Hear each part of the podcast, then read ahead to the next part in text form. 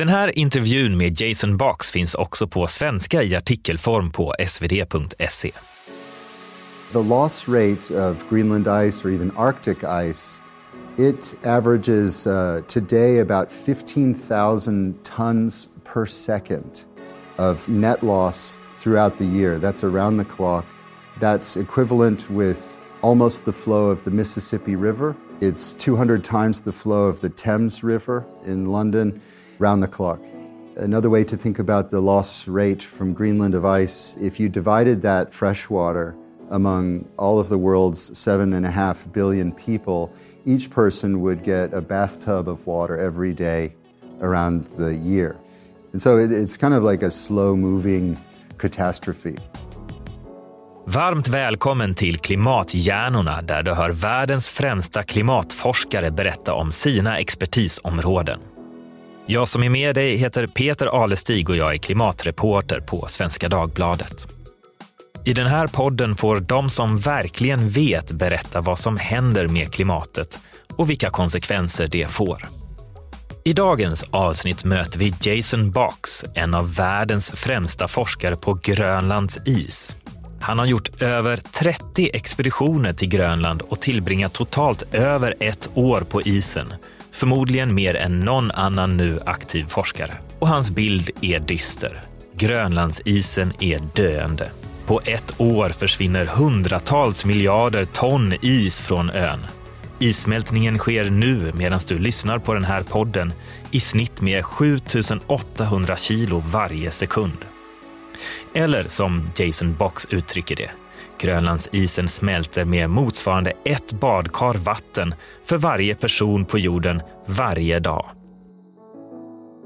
Och det här är mycket snabbare än klimatmodellernas beräkningar. Så vad är det egentligen forskningen har missat? Och vad betyder det här för omvärlden? Det här är frågor som Jason Box brottas med att besvara och till viss del har lyckats med. De senaste åren har han upptäckt att sånt som regn, alger och skogsbränder kan ha avgörande betydelse för Grönlands framtid. Men vi börjar med att Jason Box får tas med till Grönland och beskriva hur det är att jobba på en av världens mest svårtillgängliga platser. Greenland on the inland ice, it can be like landing on the moon. You know, white, silent, sometimes the wind isn't blowing and the, the silence can be amazing.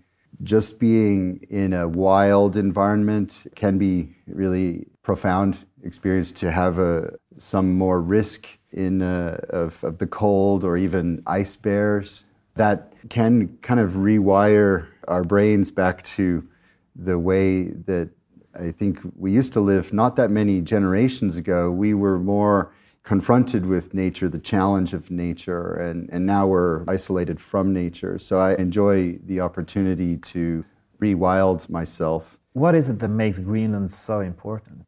Greenland is among the most sensitive reactors and indicators to abrupt climate change that we have. So we have only to go there and lay out some recording devices, and then the ice tells its own story. And that story is of a, a more sensitive response than what we appreciated even a few years and decades ago. And just lately, there's come out several alarming reports about what is going on on Greenland. Could you tell us what is the latest knowledge that we have? The reports that have rang alarm bells, I think they've been there for a long time. What's interesting is that the public is starting to become more part of this conversation the reporting about the risks of loss of land ice, they've been around for some decades. But yes, the science is getting sharper. I think the, the latest kind of thinking is more about the interaction of different elements of the climate system. For example, rainfall is increasing. You think about the Arctic as a place of, of snowfall, but as the climate warms, there's an increasing fraction of the precipitation that falls as rain. And so the rain can do quite a lot of damage to the snow. And just on the other side of that threshold, below the, the freezing point, instead of rain, then it's snow. And so the snow piles up. If once you cross that threshold of zero degrees, you know, then it's rain. Vi träffar Jason Box i Köpenhamn på Danmarks och Grönlands geologiska undersökningar, eller GEUS som institutet förkortas. Han är amerikan från delstaten Colorado, men arbetar sedan 2013 här. Man kan säga att han är lite som huvudrollsinnehavaren i Day After Tomorrow för den som har sett den filmen. En klimatforskare som trivs bäst när han får vara ute i den otillgängliga vildmarken och mäta vad som faktiskt sker på Grönland. Och som också är frustrerad över att världens politiker inte tycks göra tillräckligt för att hantera klimathotet. Jason Box korades nyligen till en av 2010-talets mest inflytelserika forskare på grund av sina många och välciterade studier. Och ett område som han särskilt uppmärksammats för är upptäckten av vad han kallar för dark snow. Länge har klimatforskningen sett hur Grönlands is och snötäcke har blivit mörkare och förlorat mycket av sin reflekterande egenskap. Och det gör att mer värme stannar på jorden istället för att reflekteras ut i rymden. Och dessutom att Grönlandsisens avsmältning påskyndas. Jason Box har ökat kunskapen om vad som gör att isen förmörkas. Och en viktig del av upptäckten börjar när hans hemstad Colorado stod i brand. Något som skulle leda till inte bara en, utan två avgörande upptäckter. When my home state of Colorado in the US was having record fires in 2012, that's when the light bulb went off in my head about um, dark snow. So we chased the, the smoke to Greenland, and uh, North America was record warm. That heat drifted over Greenland, uh, some smoke along with it. We, we did find dark particles, and so that was part of the record melt story in 2012. It showed the connection of North America with Greenland, and that was this reminder that even though we focus on Greenland, uh, everything is connected. And so the fires in North America are, are connected with changes on Greenland.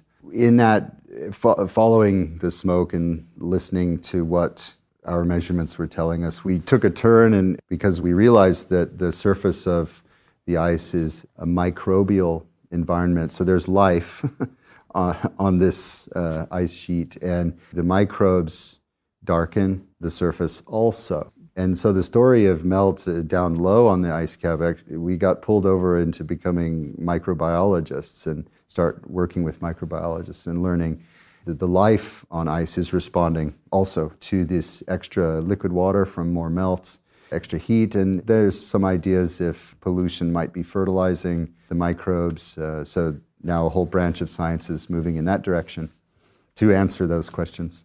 So basically, what we're talking about is the ice fermenting. Is the, that a way the ice is alive, and it's not just white or gray. It has color. There's chlorophyll. So we're now using satellites to study the color of ice. And we have some really useful instrumentation taking photos of the ice from space that we can map the chlorophyll on the surface of the ice, and that, that's part of the story. It's just one of these other X factors that we keep finding. And, and so over my career, it's just been a succession of more layers of complexity and, and more very you know, fascinating pieces of the puzzle, but you know, we we just keep finding more sensitivities, uh, more complexity. So my perspective now, kind of almost 30 years later, is that this is a more sensitive system. The climate system as a whole is more sensitive than we thought. Aska från skogsbränder men också sot från förbränning av fossila bränslen och andra industriella processer lägger sig alltså på Grönlands is och gör den mörkare. Det här fenomenet har också observerats på till exempel Nya Zeelands glaciärer i samband med bränderna i Australien förra vintern.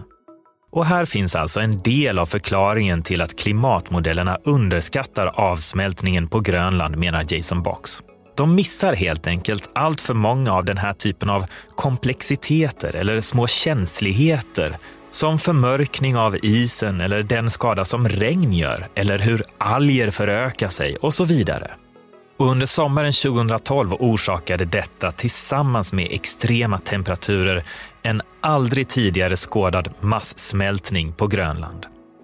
Men medan klimatforskare förfäras över det som händer på Grönland så finns det faktiskt andra som menar att avsmältningen av isen både på Grönland och i Arktis som helhet inte behöver vara enbart negativt. Det har till exempel lett till spekulationer om att nya fartygsleder kan öppnas upp eller att fyndigheter av ovanliga jordartsmetaller blottas under den grönländska isen. Eller till och med att nya områden görs tillgängliga för oljeborrning, något som har startat vad som kan kallas ett globalt race to the Arctics. The Arctic is becoming more relevant because of less sea ice and potentially or really opening up more shipping lanes. The reality is that that environment still is lacking in infrastructure, seaports, emergency services, search and rescue. Because of the lacking emergency and basic infrastructure in the Arctic, it, it's going to be a long time before it's really a safe place to operate. And then there's the complexity of the ice is drifting around. It, it's not a given that you can just now take a ship easily. At the same time, with that happening, though, the increased shipping and so forth, it kind of scares you as well a little bit, if I got you correct. Well, it, it sounds to me like business as usual. Like, oh, let's keep on sending ships around the world, increasing the flow of products. Um, because we have a, a, sustainability problem on Earth that right now we're using more than one worlds of resources. It's like more than one and a half worlds that we need now to satisfy this pattern of development. So just expanding into the Arctic seems to me is just like more of this s- kind of sleepwalking in denial of the sustainability challenge that uh, we should be more conservative about that and start to and mitigate climate change so that the society can remain in an organized state. I mean, that's really what's at risk here. If we really continue to ignore abrupt climate change at the levels that we have, we risk losing an organized civilization. I want to get into some of the consequences of this uh, ice melt on Greenland. For instance, there was a report recently coming out about huge amount of fresh water in the North Sea. What does that mean? What does that do to the system? Yeah, Greenland and Canadian land ice melting faster and faster, accelerating. It has been flooding the North Atlantic with fresh water. That system will react to that. We are seeing some strong storms recently that basic meteorology tells you that the oceanography of the North Atlantic must influence the storms to some degree. So I'm convinced that the increased freshwater into the North Atlantic must be influencing the storms that are affecting northwestern Europe. There's some basic meteorology that the storms should be stronger and they should be wetter. And when you look at the rainfall records, for example, we see more rainfall. We see heavier rainfall. So, in my opinion, we, we see climate change when the rain is heavy. So, basically, uh, you could say that the storms that we are experiencing are connected to the ice melt on Greenland. Yeah, everything is connected the storms that we're feeling in Northern Europe these days, they bear some fingerprint of climate change, and that is it's a wetter atmosphere, it's a warmer atmosphere, it's a more extreme patterns, that is uh, longer periods of certain types of weather. So it's complicated, but there is an element of, of climate change in all weather systems now. Ja, redan nu ser vi alltså effekterna av Grönlandsisens avsmältning, inte minst genom tillförseln av färskvatten i Nordatlanten. Det här kan störa vädersystem som vi märker av i Europa, menar Jason Box. Men en annan uppenbar effekt är också att havsnivåerna höjs. Och här finns en paradox kan man säga. Grönlandsisen har genom sin enorma massa nämligen en stark gravitation. Den drar till sig hela världshavet, precis som månen gör och styr tidvatten. Men när Grönlandsisen smälter minskar den här gravitationen, vilket gör att havsnivåhöjningen faktiskt inte främst märks av här hos oss. So Arctic land ice, polar land ice melt is connected even more with more people in the tropics than it is in the north in Scandinavia. The the land is still rebounding because of the removal of ice, and so that one reason has uh, like northern Denmark is rising and southern Denmark is is kind of stable. So northern Denmark, for example, has less uh, relative sea level rise than southern Denmark, and then uh, you know like Stockholm uh, is relatively rising and so Oslo, Stockholm, these places have about 45% less sea level rise than the global average. But looking forward, though, you've even said that we've already started processes that will bring us 21 meters of sea level rise. Yes, at this level of carbon dioxide in the atmosphere, the equilibrium of land ice with the oceans gives us more than 20 meters of sea level rise. How fast could that happen? The response of, of the land ice, it starts out slow and then it gets faster, faster. So Greenland is responding faster than Antarctica because it's nine times smaller than Antarctica. So the last 20 years, Greenland has been twice the sea level contribution as compared to Antarctica. Antarctica bigger will take over. These sleeping giants are waking up. Antarctica will take over. And because, okay, today the sea level rise is three and a half millimeters per year. I mean, that's every year. I mean, whether it's 12 years or 15 year doubling time is the difference of one or several meters of sea level rise by the end of century. So just what is that doubling time is the kind of the trillion euro question. And we don't know. We can't r- reliably project sea level at end of century. What we can do is make probabilities and say, look, there's a 5% chance of two meters of sea level rise end of century. And we've fallen into a trap actually of focusing on probability because it's more important to consider impact. And risk is probability times impact. Um, the IPCC reports have spent a lot of time about probability, but we should be talking about impact. When you consider the impact of two meters of sea level rise globally or 50% more in the tropics, you're talking about displacing hundreds of millions of people. And the effects that that has on stability of global governance are extreme. And so we should consider impacts and then risk. So even if probability is low, but impact is high, risk is high we should have a risk management strategy that reflects the high impact of sea level rise. How do we solve this problem? What can we do to prevent this from happening? Can we do anything to stop this process? I really like to consider what we can do to manage risk and to mitigate abrupt climate change. And what I have been calling the missing conversation is starting now, and it is carbon dioxide removal from the atmosphere. You can see and read in the newspapers most of the conversation is about reducing emissions, and we need to do that. But we must simultaneously begin developing technologies that remove carbon from the atmosphere. And it's nice to start with natural technologies that nature has developed over millions of years, that it would be, you know, plants and trees, and we should plant trees, and, and that's one tactic. However, we cannot plant trees out of this problem. I calculated you need five times the area of Australia, new forests to offset carbon. We should plant trees, but we need uh, other uh, responses. And fortunately, I, I think that we have the technical capacity to begin carbon dioxide removal. And that's the project of the century is removing carbon from the atmosphere, not only limiting emissions. There's also been uh, solutions uh, proposed within geoengineering, you know, these wild ideas, sending particles in the air, even painting mountains white, I've seen. What do you think about these ways of dealing with the issue? On the topic of geoengineering, climate altering technologies does involve some kind of science fictiony ideas, and a lot of it is it's just ideas.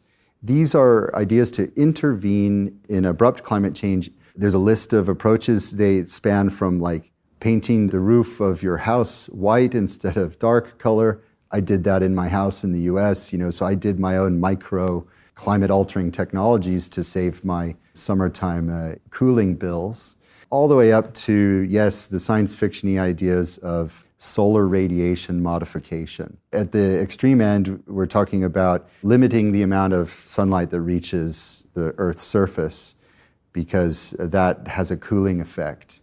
Like any solution, it's not perfect, still does not solve the issue of too much carbon going into the oceans. Carbonic acid is acidifying the oceans. So solar radiation modification is being contemplated as a potential short term emergency kind of button if uh, climate warming really starts to go out of control. And it's been shown that, that solar radiation modification is relatively low cost and relatively well known, relatively fast response.